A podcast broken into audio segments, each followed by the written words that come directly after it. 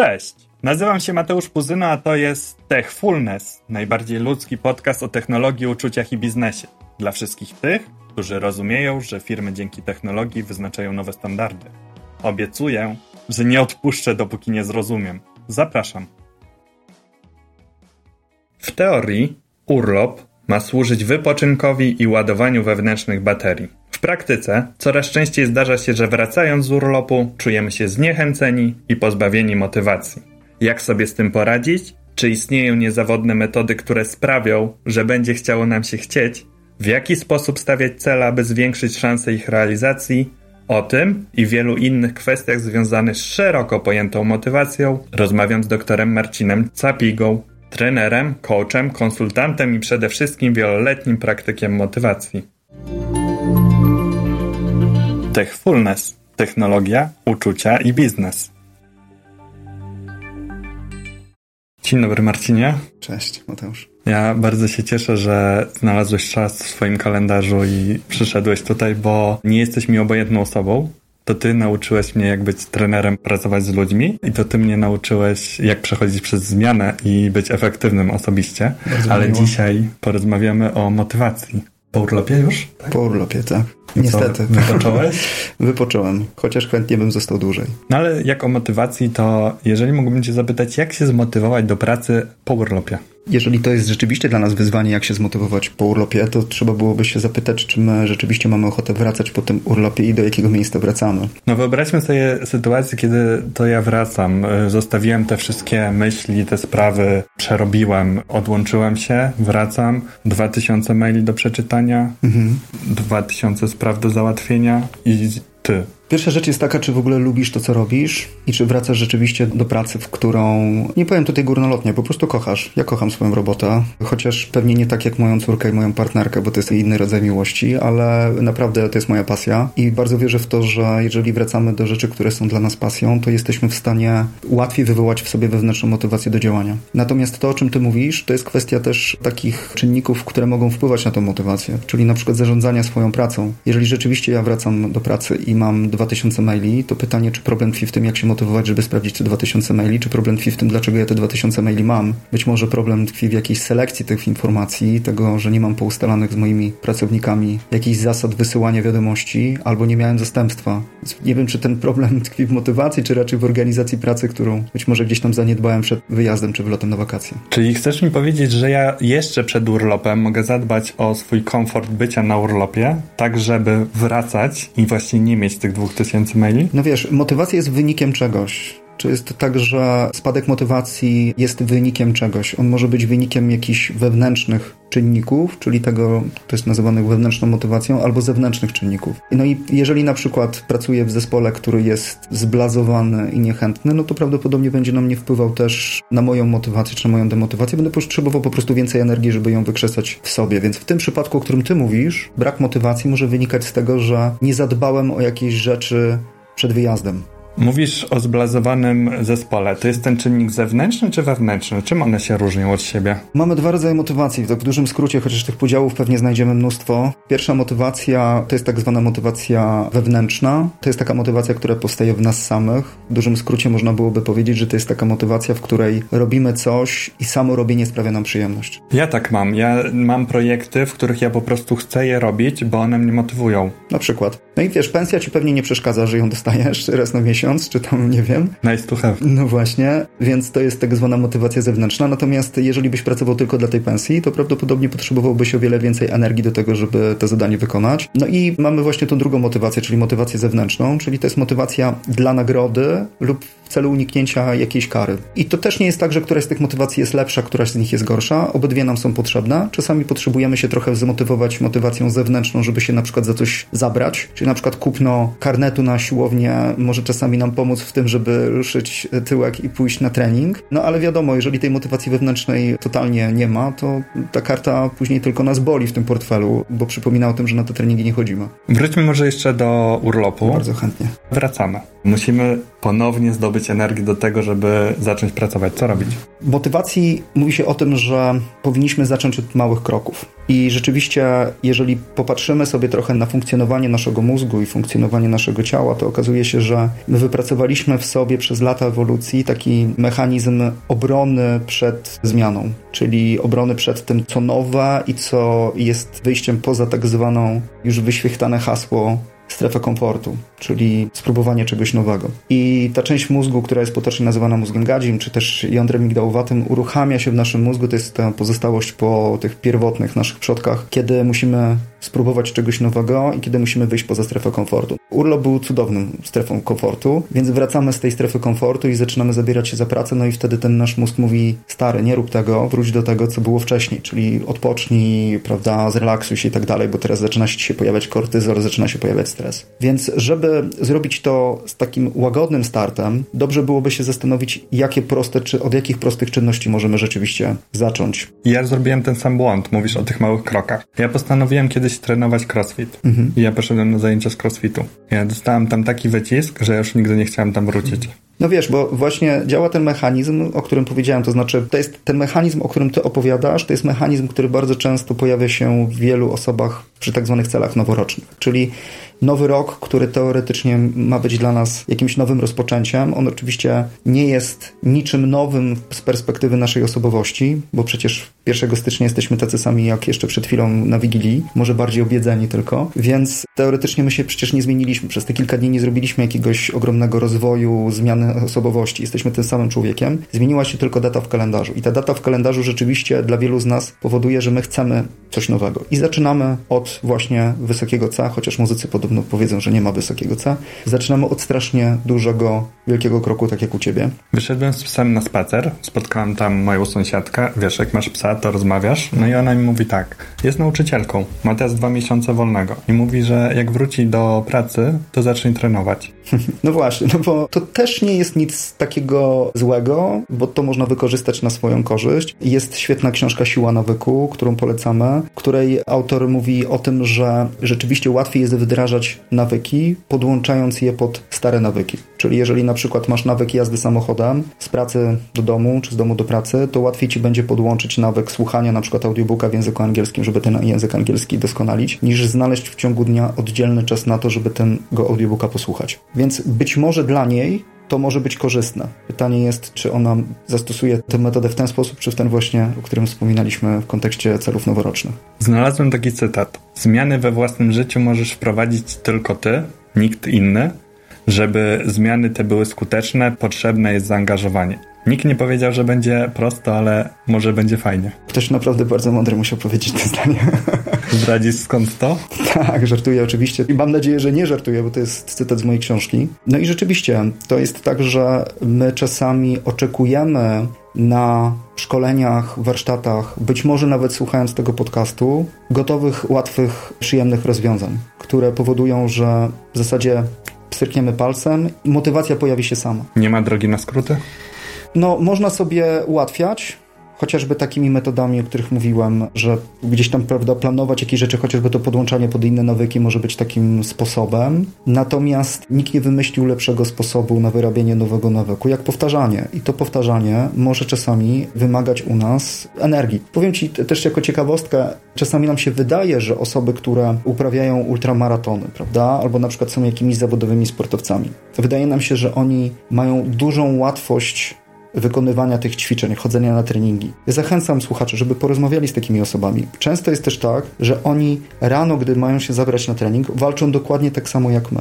To jest dokładnie ta sama walka. Nie chce mi się, ale umówiłem się sam ze sobą, żeby pójść i tak dalej. Pada deszcz. Pada deszcz, jest za gorąco i tak dalej. To jest dokładnie ta sama walka. Różnica jest tylko taka, że oni wygrywają tę walkę, że jednak się decydują, mimo właśnie tej niechęci. No i oczywiście oni być może decydują się na większe dystanse. Ale czy dla nich te 20 kilometrów to jest czasami ten sam proces motywacyjny, który oznacza dla nas kilometr. Pierwszy kilometr na przykład, y, który chcemy przebiec. Jak wygrać tą walkę? Hmm. To jest odwieczne pytanie. Myślę, że jest wiele czynników, o które powinniśmy zadbać. Ja trochę wrócę do tego początku, bo ja mam taki swój osobisty model, który nazywam modelem motywacji przez wielkie M i uważam, że to jest taki model, który dotyka różnych poziomów, o które powinniśmy zadbać, żeby się zmotywować do danej czynności. Pierwszy poziom to jest to, o czym wspomnieliśmy na początku, czyli jeżeli chcemy się do czegoś motywować, weźmy na tapet ten sport. To ten sport ma być czymś, co sprawia nam przyjemność, do czego mamy predyspozycję i co jest spójne z naszymi wartościami. Nie wybierajmy czegoś, co ćwiczą wszyscy. Wybierzmy coś, co jest rzeczywiście dla nas fanem i radością. Przerzucając to na sferę zawodową, jeżeli mamy możliwość wybierania projektów, jeżeli mamy możliwość podnoszenia ręki, gdy menadżer pyta, czy chcemy się zaangażować w projekt, to rzeczywiście jest projekt spójny z nami, podnośmy wtedy, kiedy to jest spójne z nami. Ja pamiętam, kiedy taką dojrzałość zawodową osiągnąłem, gdy zdałem sobie sprawę z tego, że nie wszystkie projekty są dla mnie. Nie każdy dowiozę tak dobrze, jak powiedzmy Techfulness. Na pewno. Wiesz, to ja też przez to przechodziłem. Jak zakładałem swoją firmę szkoleniowo-doradczą, to było tak, że początkowo, gdy zgłaszano się do mnie i proszono mnie o jakieś szkolenie, to zgłaszałem się w zasadzie prawie do każdego projektu, bo chciałem rozkręcić firmę. Nie wszystkie te projekty sprawiały mi taką wielką radość, ale wygrywała też nagroda zewnętrzna. Musiałem zarobić na życie. Dzisiaj jest tak, że mogę na szczęście sobie w tych projektach czasami przebierać, mogę je delegować swoim ludziom, ale nie zawsze tak jest. Nie zawsze jest tak, że ja będę robił wszystko to, co jest spójne z moją wewnętrzną motywacją. Praca to nie koncert życzeń. Czasami będę robił rzeczy, które nie są spójne z moją wewnętrzną motywacją, ale zdecyduję się je wykonać, bo suma summarum no nie chcę mówić muszę, bo też to muszę jest takim słowem bardzo zmuszającym do czegoś, ale decyduję się coś wykonać, bo suma summarum jest tak, że tą pracę lubię, więc skoro ją lubię, to będę też czasami wykonywał rzeczy, które być może nie są tak bardzo przyjemne, jakbym chciał. Marcin, ale jeżeli rozmawiamy o motywacji, to w Twojej książce przeczytałem o wielkiej i małej agendzie. O co w nich chodzi? Wiesz co, no, wracając trochę do tej wewnętrznej motywacji. Jest taki model, który jest mi bliski. Model, który mówi o tym, że my w życiu funkcjonujemy na takich dwóch poziomach. To jest wielkiej i małej agendy życiowej. Wielka agenda życiowa to jest agenda, która dotyczy tego, jak chcemy żyć. To jest takie bardzo może górnolotne pytanie, ale chodzi tutaj generalnie o nasze wartości, to w jakim stylu chcemy funkcjonować, co jest naszą misją życiową, czyli w jakim stylu chcemy funkcjonować, co jest dla nas ważne. Na przykład w moim życiu jest ważny rozwój, uwalnianie potencjału swojego i, i, i uwalnianie potencjału innych. Wiesz, ja w procesie mentoringowym z naszą ówczesną panią prezes dostałem kiedyś takie zadanie, żeby właśnie określić, co jest moją dużą agendą życiową, co ja chcę osiągnąć. I pamiętam, że mi wtedy wyszło, że ja chcę coś zrobić takiego, że sprawię, że świat będzie lepszy. Nie mówię tutaj górnolotnie o całym świecie, tylko jakiś wycinek tego świata. Zaraz za tym poszło pytanie, no dobra, no ale co zrobisz? Mhm. I ja pamiętam, że to było najtrudniejsze pytanie w moim życiu. Nie jest mhm. łatwo określić tą agendę. Jak to zrobić? No to jest e, czasami droga, która trwa całe życie. Mam wrażenie. Wiesz, no idealnie by było odkrywać tą wielką agendę w dzieciństwie i kiedy jesteśmy jeszcze młodymi ludźmi i odkrywamy, co tam jest. Ta wielka agenda ja w ogóle uważam, że ona jest nawet ważniejsza niż takie cele, które czasami pisało się w poprzednich książkach sprzed kilku lat dotyczących wizji życiowych. Że misja, czyli to, co chcemy w życiu robić, co jest dla nas ważne, jest ważniejsze czasami niż to, jak się widzimy za 10 lat. Dlatego, że dzisiaj jest bardzo trudno określić, jak się będziemy widzieć za 10 lat. Tak mówimy w kontekście technologii, o różnych zmianach technologicznych, które się dzieją na świecie. Ja nie wiem, czy za 5 lat mój zawód będzie wyglądał dokładnie tak samo, czy ja będę go robił dokładnie w ten sam sposób, ale ja wiem, co jest dla mnie w życiu ważne. I teraz szukając tej drogi i odnajdując ją, zdaję sobie szansę na to, żeby lepiej odnajdywać się w przyszłości w różnych zmianach, które będą się działy na zewnątrz. I to rzeczywiście nie jest droga prosta. Ken Robinson, taki brytyjski profesor, mówi o tym, że to, co jest takim naszym żywiołem zawodowym, możemy znaleźć na styku takich trzech obszarów. To jest miłości do tego, co się robi, predyspozycji do tego, co robimy i wartości, czyli tego, co jest dla nas ważne. Powiedz, jak takie decyzje się podejmuje? Kiedy ty jesteś w stanie rzucić wszystko, postawić wszystko na jedną kartę, bo wiesz... I wyjechać w Bieszczady. I wyjechać w Bieszczady. Tak, to ja specjalnie tak to mówię, wyjechać w Bieszczady, bo czasami to, co niestety robią różnego rodzaju mówcy motywacyjni, do których też się częściowo zaliczam, chociaż mam nadzieję, że nie popełniam tego błędu, to mówią swoim klientom idź za tą pasją, rzuć wszystko i po prostu dąż do niej, postaw wszystko na jedną kartę, bo tam osiągniesz sukces. To nie A jest to takie, nieprawda? No, to nie jest takie proste. Nie wiem, czy to nie jest prawda, bo to się okaże, ale to nie jest takie proste, dlatego że my prócz pasji mamy jeszcze kredyty dzieci i, prawda, i, i być może domy lub mieszkania, które trzeba spłacić i inflację obecnie, tak? Więc to nie jest takie proste podjąć decyzję, rzucam wszystko. Dlatego ja jestem zwolennikiem tego, żeby zdecydowanie odkryć, co jest dla nas ważne i to czasami rodzi frustrację, bo my czasami chcemy żyć w takim matrixie. Nie łykać tej pigułki, tylko tą drugą. Na myśli ten moment z filmu, kiedy mamy wybór niebieska, czerwona pigułka, czy chcę żyć w świecie Matrixa, czy chcę widzieć, jak świat wygląda naprawdę. My czasami nawet nieświadomie nie chcemy odkryć, jak jest naprawdę, bo boimy się, że odkryjemy, że jesteśmy nie w tym miejscu, że nasza drabina kariery jest oparta nie o tę ścianę, o którą byśmy chcieli. No i wtedy pytanie, co zrobić? Wtedy musimy zdecydować, czy chcemy zostać na tej drabinie i realizować gdzieś pasję po pracy, czy chcemy ją przestawić, ale wtedy często musimy zacząć z niższych szczebli. No i najlepszym sposobem na to, żeby odkryć jest nie rzucanie wszystkiego i nie wyjeżdżanie w Bieszczady, tylko testowanie. Miałem też kiedyś klientkę, którą miałem w procesie coachingowym, która miała marzenie, ja to nazywam odwiecznym marzeniem korporanta, czyli własna kawiarnia albo gruturystyka. I to marzenie odwieczne korporanta w jej przypadku to było marzenie związane właśnie z kawiarnią. Postanowiła realizować i to, co zrobiliśmy, czy to, co ona zrobiła, to wzięła dwutygodniowy urlop jako dyrektorka dużej firmy i po prostu zatrudniła się w kawiarni jako kelnerka, żeby sprawdzić, jak funkcjonuje kawiarnia od środka i czy to rzeczywiście jest to, co ją kręci. Wiesz co, no odkryła, że jednak nie, że jednak to nie jest kawiarnia. Wiesz, no tych historii z kawiarnią nie bez powodu mówię, że to jest przykład, standardowy przykład takiego marzenia korporanta z całym szacunkiem dla wszystkich ludzi, którzy pracują w korporacji, bo, bo pracuję z korporacjami i wbrew pozorom na nie się bardzo narzeka. Ja bardzo lubię korporacje, bo uważam, że są bardzo, bardzo klarowne w oczekiwaniach często. Przypomniała mi się jeszcze jedna anegdota koleżanki, która kiedyś robiła ze mną wywiad do gazety i była tam redaktorką i powiedziała, że kiedy opowiadałem tę historię tej kawiarni, powiedziała taką anegdotę, że ona miała dokładnie tak samo, że wzięła już prawie kredyt na kawiarnię ze swoją przyjaciółką i już nawet ten kredyt prawie podpisywała, gdy zorientowała się, że ona wcale nie chce prowadzić kawiarni, ona po prostu lubi pić kawę.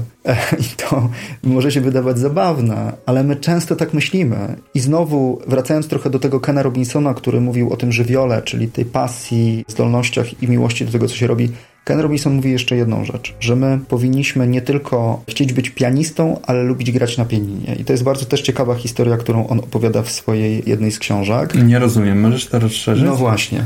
Był na koncercie jazzowym, tam był pianista, który pięknie grał na pianinie i ten Ken Robinson podszedł do niego po tym koncercie i powiedział, słuchaj, no fenomenalnie grasz na tym pianinie, prawda? Zawsze chciałem być pianistą. E, I wtedy ten pianista mu odpowiedział, słuchaj, wiesz co, sorry, że to powiem, ale podejrzewam, że raczej nie chciałeś. I ten Ken Robinson mówi, no naprawdę chciałem. Pianista mówi, sorry, ale wiesz co, wydaje mi się, że jednak nie. No i Ken Robinson był taki oburzony, prawda, no kto wie lepiej, czy chciałem, czy nie chciałem. Wtedy ten pianista odpowiedział, słuchaj, wiesz co, chciałbym być dobrze zrozumiany. Większość ludzi marzy o tym, żeby grać na pianinie, a nie być pianistą my widząc kogoś, kto jest trenerem, prowadzi ten podcast, który ci dzisiaj prowadzisz, jest pianistą, myślimy sobie, wow, ale super byłoby grać na pianinie. Natomiast rzadziej myślimy o tym, że bycie pianistą to są godziny treningów, że to są jakieś niewygrane projekty, że to są rozczarowania, że to są być może jakieś frustracje wynikające z tego, że gość się z tobą umówił i nie przyszedł na przykład, nie? I ten żywioł, czyli to, co my kochamy w życiu i co ma mieć dla nas sens, ma właśnie być związane z tym, że my to wszystko bierzemy. Bierzemy i przytulamy i suma summarum to nam sprawia radość. To jest tak zwany dobrostan, że suma summarum e, jest to po prostu coś, co uwielbiamy robić i co ma dla nas sens. Ale powiedziałeś o tych kredytach, o tych dzieciach. Czy to jest właśnie ta mała agenda? Mała agenda życiowa to są cele, które sobie stawiamy na co dzień, czyli chociażby to spotkanie, które dzisiaj realizujemy, moglibyśmy nazwać zadaniem, które wpisalibyśmy na małą agendę życiową. Ja dzisiaj wpisałem, to znaczy wpisałem dużo, dużo wcześniej, tak, ale dzisiaj w moim kalendarzu pojawiła się informacja, przyjeżdżam do Mateusza z Imensa, żebyśmy porozmawiali o motywacji. To jest mała agenda. Jeżeli ta moja mała agenda, czyli ten mój cel, czy zadanie, które mam dzisiaj wpisane w kalendarz, jest spójne z moją wielką agendą, a to już trochę zdradziłem, że moją wielką agendą jest rozwój, praca nad własnym rozwojem, nad rozwojem innych ludzi, to zaczyna się spójność. I ta spójność, czyli efektem ubocznym tej spójności między dwoma agendami jest właśnie wewnętrzna motywacja. Czyli mimo tego, że mam ciężki czas na przykład, albo mimo tego, że nie wiem, dopiero co wróciłem z wakacji i chciałbym sobie jeszcze chwilę odpocząć, albo mam jakieś inne zadania, prawda, to łatwiej mi, tak jak ty mówiłeś wcześniej, wstać z tego łóżka i pójść do tej pracy, czy zrobić to, co robimy dzisiaj, bo czuję, że to ma sens. Sens ma tak duże znaczenie w naszym życiu, że może nawet wpływać na wydłużenie naszego życia i to być może dla niektórych brzmi bardzo górnolotnie, bo w pracy zazwyczaj sens odczuwamy lub nie odczuwamy, mówiąc, że jakieś zadanie jest bez sensu i nie chcemy się za nie zabierać, albo nie czujemy sensu czasami jadąc w poniedziałek do pracy. Mam nadzieję, że nasi słuchacze tak nie mają, ale wystarczy włączyć czasami radio i posłuchać, jak ludzie narzekają, tak? Na to, że oh my god, dzisiaj jest poniedziałek, ale życie się niedługo zacznie, bo niedługo będzie piątek. I to jest przykład takiego odczuwania braku sensu na co dzień, Natomiast gdybyśmy się temu przyjrzeli i na przykład poczytali Wiktora Frankla albo Mautzbiego, który stworzył racjonalną terapię zachowań, to odkrylibyśmy, że ta siła nadawania sensu, siła naszego myślenia bardzo mocno później odzwierciedla się w tym naszym działaniu. Chociażby u sportowców, prawda, mówi się, że silna psychika u sportowca zawodowego ma ogromne znaczenie. Jeżeli potrafisz nadawać sens tym codziennym czynnościom, to masz po prostu ogromną energię do działania, a pacjenci, którzy na przykład czują motywację do tego, żeby się leczyć, czują sens tego, żeby wyzdrowieć, bo mają po co żyć, bo wierzą, że jest po co żyć, mają lepsze wyniki w leczeniu. Techfulness. Technologia, uczucia i biznes.